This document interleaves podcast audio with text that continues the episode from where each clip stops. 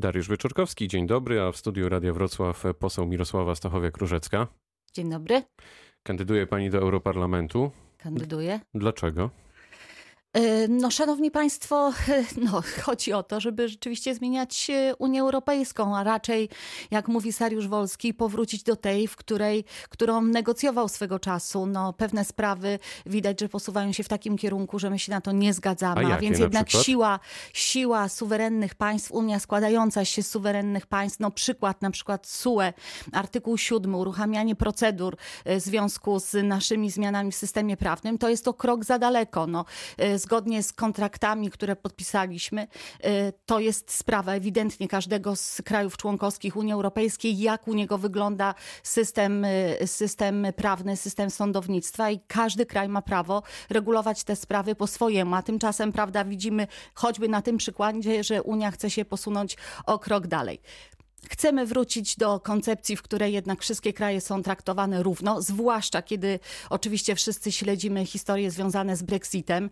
No, gdyby się okazało, że jednak niestety Wielka Brytania wyjdzie z Unii Europejskiej, no to kształt Unii będzie wyglądał tak i do tego zdaje się te silne podmioty w Unii zmierzają, że będą dwa dominujące kraje, a więc Niemcy i Francja. No to nie jest to, na co się umawialiśmy i trzeba będzie pracować, żeby jednak te wartości, które leżały y, u, u progu zakładania i tworzenia Unii Europejskiej powróciły. Ale tak konkretnie, jak się pani spotyka z potencjalnymi wyborcami, a takie spotkanie ma pani nawet za sobą w ostatnich dniach, to gdyby pani miała wymienić na przykład trzy kierunki walki, walkę wkładam w cudzysłów oczywiście w Brukseli, to z jakimi, że tak powiem, hasłami pani tam idzie?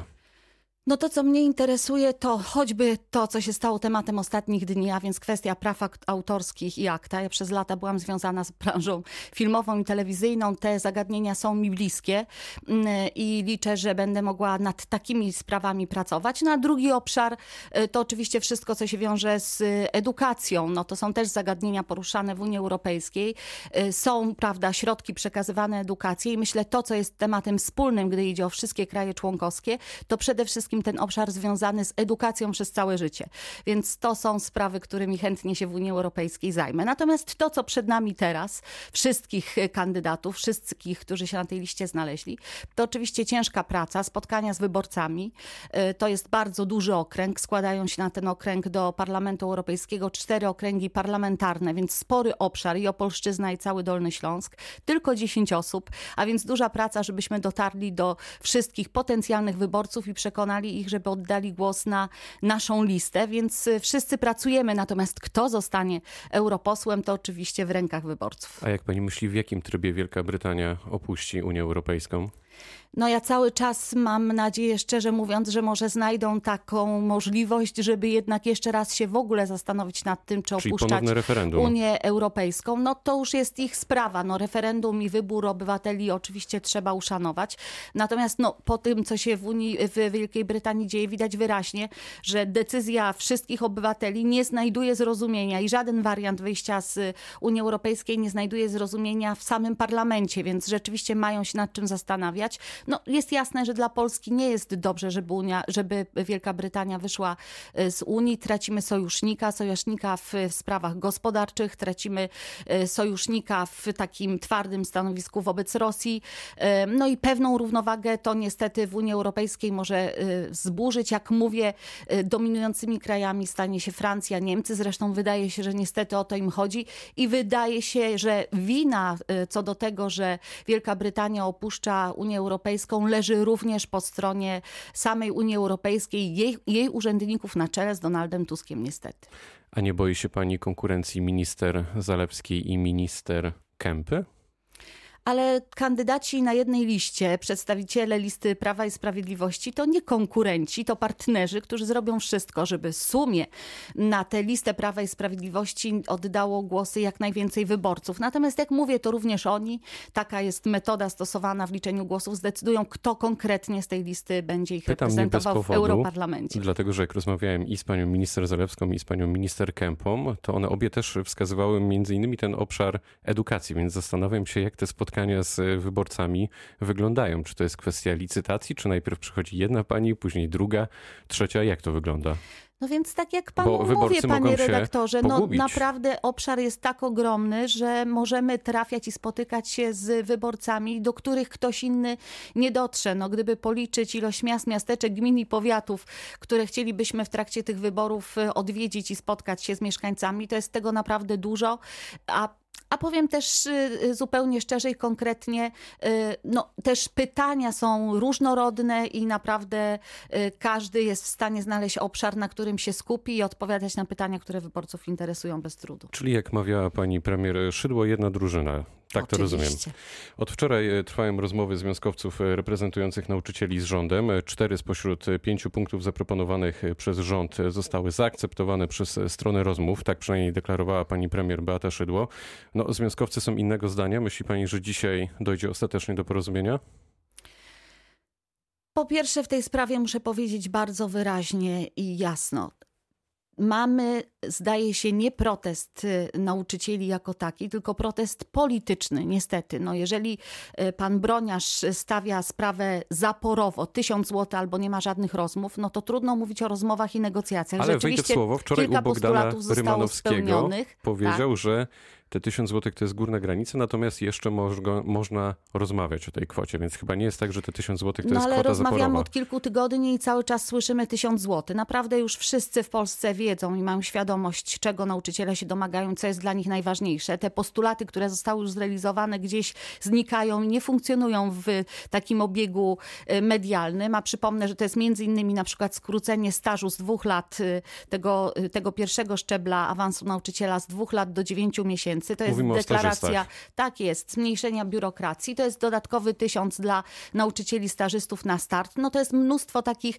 naprawdę ważnych i zgłaszanych przez to środowisko postulatów. Cała uwaga skupia się na tysiącu złotych i nieporozumieniem jest niestety, y, że, że wykorzystywane są do tego dzieci, bo trzeba sobie zdawać sprawę że z tego, że gdyby rzeczywiście ten protest się odbył w trakcie egzaminów gimnazjalnych i ósmych klas, to tak naprawdę dzieci będą miały zamkniętą ścieżkę zamkniętą ścieżkę w rekrutacji do wymarzonych szkół średnich, więc wykorzystywanie w taki sposób dzieci jest naprawdę skandaliczne. My od początku powtarzamy, rozumiemy, że nauczyciele to jest ta grupa zawodowa, mm, jeśli, o którą chodzi, co do której chcemy stopniowo rzeczywiście te y, zarobki y, zwiększać i ten strumień pieniędzy w stronę edukacji kierować coraz większy. Natomiast to wymaga czasu. W tej chwili nie stać nas na to, żeby dać nauczycielom dodatkowe dodatkowe 1000 zł to po pierwsze. Po drugie, wyszliśmy już z inicjatywą, zanim zaczęły się protesty, bo właśnie rozumiemy, że nauczyciel w Polsce powinien zarabiać więcej, więc ta podwyżka 16% y, pojawiła się ta propozycja, zanim doszło do jakichkolwiek protestów, co jest dowodem na to, że zdajemy sobie z pewnych rzeczy sprawę. No i bardzo ważna rzecz, o której trzeba mówić, no to to, to, to że również za y, zarobki nauczycieli na wysokość wynagrodzenia składają się samorządowcy i chciałabym, żeby to jednak wybrzmiało i było jasne, bo postawa niektórych y, y, wywołuje u mnie takie pytanie, czy to jest ignorancja, czy arogancja, jak choćby prezydenta Wrocławia. No Przypomnę, właśnie. że artykuł, artykuł 7 ustawy o samorządzie gminnym mówi bardzo wyraźnie o tym, że sprawy edukacyjne są zadaniem własnym gminy. Tak się przed laty podzielono, samorządowcy również składają się na wysokość wynagrodzenia nauczyciela. No właśnie. Jacek Sutryk w zeszłym tygodniu napisał na Facebooku, że tu cytat, wszystkie środki przewidziane na wynagrodzenia e, zostaną wypłacone w całości bez względu na to, ile e, trwałby planowany strajk. Czy to jest zgodne z prawem, pani zdaniem? Oczywiście, że to nie jest zgodne z prawem, to po pierwsze. Po drugie, miałabym pytanie wobec tego, jeśli zastrajkują e, pracownicy MOPS-u, czy z Diumów, Zojmów i innych instytucji podlegających gminie Wrocław, to pan prezydent także będzie tak wyrozumiały, czyli pozwoli zawiesić pracę a będzie im wypłacał wynagrodzenie. No to jest niezwykle e, ciekawe. Ja raczej bym od, e, od samorządowców oczekiwała odpowiedzialności w tej sprawie, zwłaszcza, że na Dolnym Śląsku mamy bardzo dobre przykłady, gdy idzie o e, wspieranie systemu edukacji i nauczyciela, no jakby, jak choćby w Lubinie, gdy porównamy zarobki nauczyciela mianowanego we Wrocławiu, to jest 4 tysiące brutto średnio, w Lubinie 4,5, nauczyciel dyplomowany we Wrocławiu około 5 tysięcy, w Lubinie 5 5900, a więc widać, że są nawet na Dolnym Śląsku przykłady takich samorządów i takich samorządowców i włodarzy miasta, którzy rozumieją, na czym polega zadanie własne polegające na wspieraniu edu edukacji.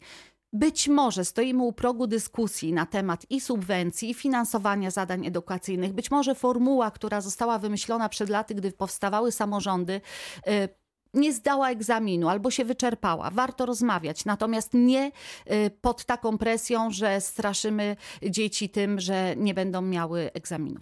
Rozmawialiśmy też w zeszłym tygodniu między innymi o tym porównaniu Lubina do Wrocławia. Nie wiem, czy do końca to jest jakby też odpowiedni przykład, bo jest inna skala jednak tych miast. Natomiast już goni nas czas. Mam jeszcze pytanie o szeroko pojętą kulturę w naszym regionie, ponieważ od wczoraj na naszej antenie informujemy o tym, że zarząd naszego województwa rozważa zamknięcie Wrocławskiego Teatru Pantomimy to byłaby dobra decyzja, Pani zdaniem?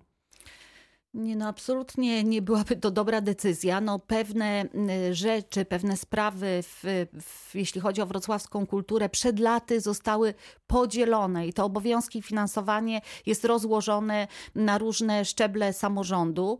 Y, myślę, że to się sprawdzało. Wiele z wrocławskich instytucji kultury jest współprowadzonych i współfinansowanych. Y, to zdaje egzamin i, i naprawdę no, taka, takie pomysły, że, że niektóre z tych takich takich wpisanych naprawdę bardzo, bardzo w historię Wrocławia e, chcielibyśmy zlikwidować, czy jak rozumiem pan marszałek e, chce zlikwidować, to jest naprawdę zły pomysł. Zawsze możemy rozmawiać o nowej formule, o poprawie, o, o jakiś, prawda, tworzeniu nowych relacji. No, wszystko jest dynamiczne, natomiast likwidowanie to jest jeden z najgorszych scenariuszy, jak to można zapytam, sobie wyobrazić. Zapytam jeszcze inaczej, czy jeśli samorząd, bo samorząd chce też e, wycofać się z finansowania Narodowego Forum Muzyki, Mm, to czy Prawo i Sprawiedliwość popiera koalicjanta i te zmiany, które wytacza, ten kierunek zmian? Powtarzam jeszcze raz, uważam, że ta formuła, w która się dotarła i została wypracowana przez lata, jeśli chodzi o wiele wrocławskich, dolnośląskich instytucji, jest dobra. Możemy rozmawiać co do szczegółów, co do wysokości wsparcia. No, no o różnych sprawach możemy y, rozmawiać. Y, natomiast wycofywanie się i zmiana tej, tego współprowadzenia i współfinansowania nie jest dobrym pomysłem i liczę, że pan Michał Bobowiec jeszcze sprawy sobie dokładnie y, przemyśli Zresztą, gdy idzie o Narodowe Forum Muzyki, to zdaje się, że w sumie wycofał się jak na razie z, z tego pomysłu, żeby wycofać finansowanie, więc no, zobaczymy. Mam nadzieję, że będziemy o tych sprawach jednak rozmawiać e, wspólnie i tu nie chodzi tylko o wspólne rozmowy między koalicjantami, ale jednak o wspólne rozmowy z wszystkimi, którzy tak naprawdę kulturą się interesują i leży ta wrocławska kultura im na sercu. Mamy jeszcze 30 sekund, więc pytanie o zmiany e, związane z rekonstrukcją rządu, bo te komentował e, szef kancelarii premiera Michał Dworczyk. Chodzi o to, że w najbliższych dniach teoretycznie zapadnie decyzja mm, w tej sprawie. E, wie pani może, kto zostanie wymieniony? Nie Może pani wiem, się jednak wybierze do to ministerstwa decyzja, któregoś. To jest decyzja pana premiera. On odpowiada za kształt rządu i jego pracę i zadania, więc to jest pytanie, które trzeba faktycznie kierować do pana Mateusza Morawieckiego. Bardzo dziękuję. To była rozmowa dnia. Gościem poseł Mirosława Stachowiak-Różecka. Dziękuję, do usłyszenia. Dobrego dnia, pytał Dariusz Wieczorkowski.